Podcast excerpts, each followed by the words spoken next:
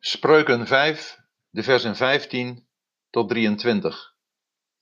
Drink water uit je eigen bak, stromend water uit je eigen put.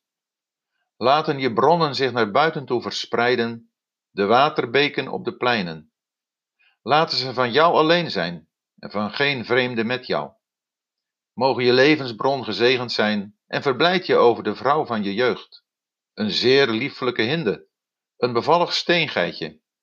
Laten haar borsten jou te allen tijden dronken maken, dool voortdurend rond in haar liefde. Waarom zou je, mijn zoon, ronddolen bij een vreemde vrouw, de boezem van die onbekende omarmen? Want de wegen van een man zijn voor de ogen van de Heere. Hij weegt al zijn sporen. Zijn ongerechtigheden nemen de goddeloze gevangen. Met de banden van zijn zonde wordt hij vastgehouden. Hij zal sterven, omdat er geen vermaning was. Door zijn grote dwaasheid zal hij verdwalen. Het alternatief om te ontkomen aan de verleiding van de vreemde vrouw is niet een verplichte, algehele onthouding of celibaat. De vader wijst zijn zoon op diens eigen vrouw. Het verlangen naar verboden genot komt voort uit ontevredenheid met zegeningen die iemand bezit.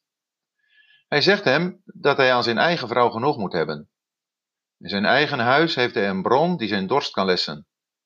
Daarmee bedoelt hij zijn vrouw.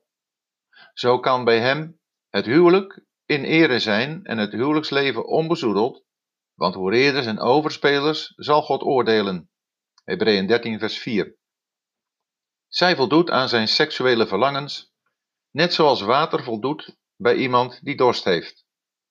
Hij hoeft niemand anders te zoeken voor de bevrediging van die verlangens.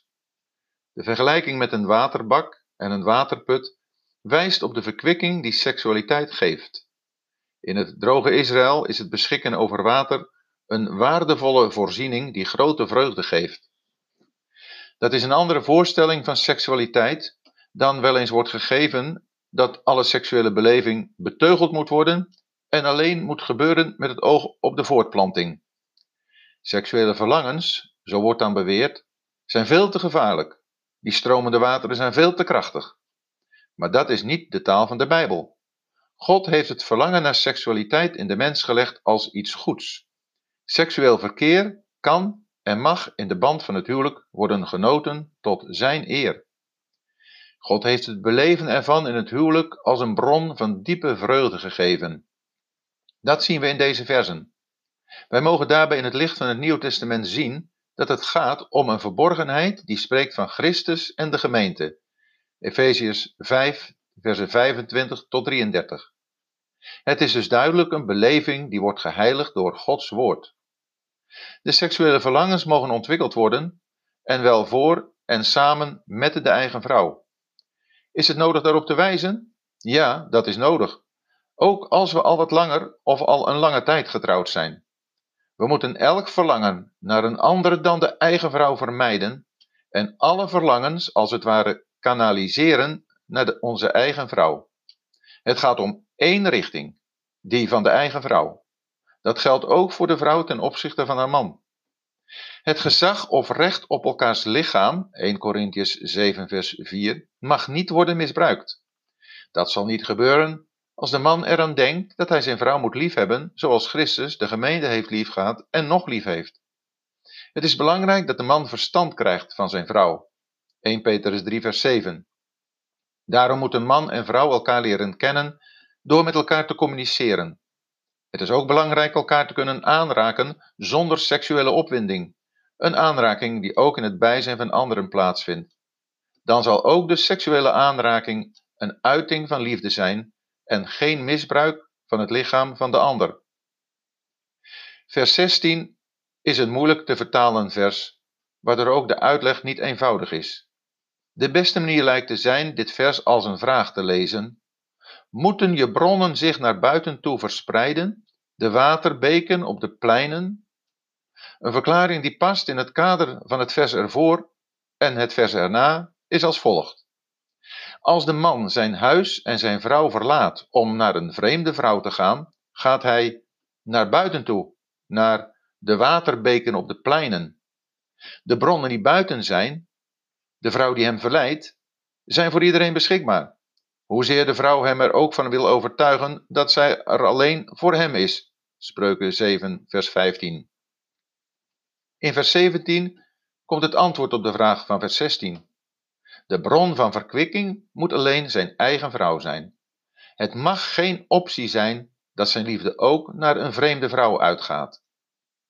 Een geestelijke toepassing is dat we aan de Heer en alleen aan Hem genoeg hebben. Hij heeft ons onvoorwaardelijk en exclusief lief en rekent ook op onze onvoorwaardelijke, exclusieve liefde. Ware bevrediging van elk verlangen dat wij hebben, is alleen in Christus liefde te vinden. Als we ouder worden, zal onze liefde voor onze vrouw niet verminderen, maar juist toenemen, net zoals onze liefde voor Christus. De vader wenst dat zijn zoon in de omgang met zijn vrouw in het huwelijk gezegend zal zijn. Hieruit blijkt dat de seksuele vreugde in het huwelijk door God is gegeven en dat hij daarvan mag genieten. De jonge man wordt opgeroepen verblijd te zijn over de vrouw van je jeugd. Het is een blijdschap die altijd moet blijven, tot in de ouderdom toe. Prediker 9, vers 9a. Het is totale dwaasheid als een man en zijn vrouw zeggen dat ze op elkaar uitgekeken en daarom maar een relatie met een vreemde vrouw beginnen. Het is een leugen en een ongehoorzaamheid, want God roept op tot blijdschap over de eigen vrouw, net zoals hij oproept dat de man zijn vrouw moet liefhebben. In de vertrouwelijke omgang van de vader met zijn zoon zegt hij hem bij zijn eigen vrouw de bevrediging van zijn verlangens te vinden. Hij wijst zijn zoon op het gedrag van de geliefde vrouw, een gedrag dat hij vergelijkt met dat van een zeer lieflijke hinde, een bevallig steengeitje. Deze dieren bewegen zich sierlijk en gracieus. Zo mag hij naar zijn vrouw kijken. Haar borsten mogen hem in vervoering brengen, hij mag er dronken van worden, er bedwelmd door raken. Onophoudelijk mag hij in haar liefde ronddolen. Dat wil zeggen dat hij zich erdoor mag laten vangen en er in de ban van mag raken. Hij mag voortdurend over haar in verrukking komen, weg van haar zijn. Het is een oproep en tevens een vermaning om zich alleen op de eigen vrouw te richten voor de vervulling van de seksuele verlangens. In vers 20 stelt de vader enkele retorische vragen. Als de zoon bij zijn verstand is, zal hij niet ronddolen bij een vreemde vrouw voor een kortstondige verbinding met een tijdelijke genieting van de zonde. Hier wordt hetzelfde woord ronddolen gebruikt als in het vorige vers, maar daar is het een voortdurend en geoorloofd ronddolen. Bij een vreemde vrouw is geen plaats en geen tijd voor intimiteit. Intimiteit vereist een levenslange verbintenis met de vrouw van iemands jeugd. De zonde van overspel vindt altijd in het geheim plaats. Het is een werk van de duisternis. Maar voor God is niets verborgen. Hij is niet een menselijke inspecteur die af en toe eens langskomt om iets of iemand te controleren.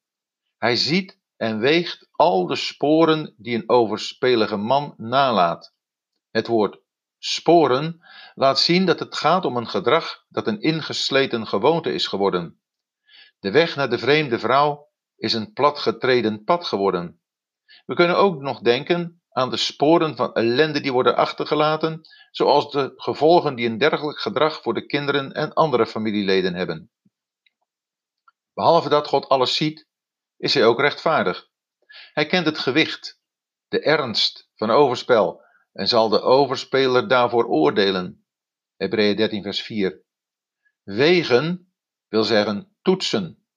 Wat hij zal doen aan de hand van zijn maatstaf, de wet, in het bijzonder met verwijzing naar het zevende gebod: U zult niet echt breken. Exodus 20, vers 14. Het besef dat er geen geheimen voor God zijn, zal ons helpen om niets te doen wat het daglicht niet kan verdragen. Een open, intieme verhouding met God is een belangrijk middel om onze menselijke relaties zuiver en rein te houden. De sleutel tot zelfbeheersing is het besef dat we nooit alleen zijn, maar dat God ons overal ziet. Door gebrek aan zelfbeheersing op het gebied van seksuele bevrediging wordt de goddeloze een gevangene van zijn ongerechtigheden. Veel mensen denken dat ze na verloop van tijd wel met een bepaalde zonde kunnen stoppen.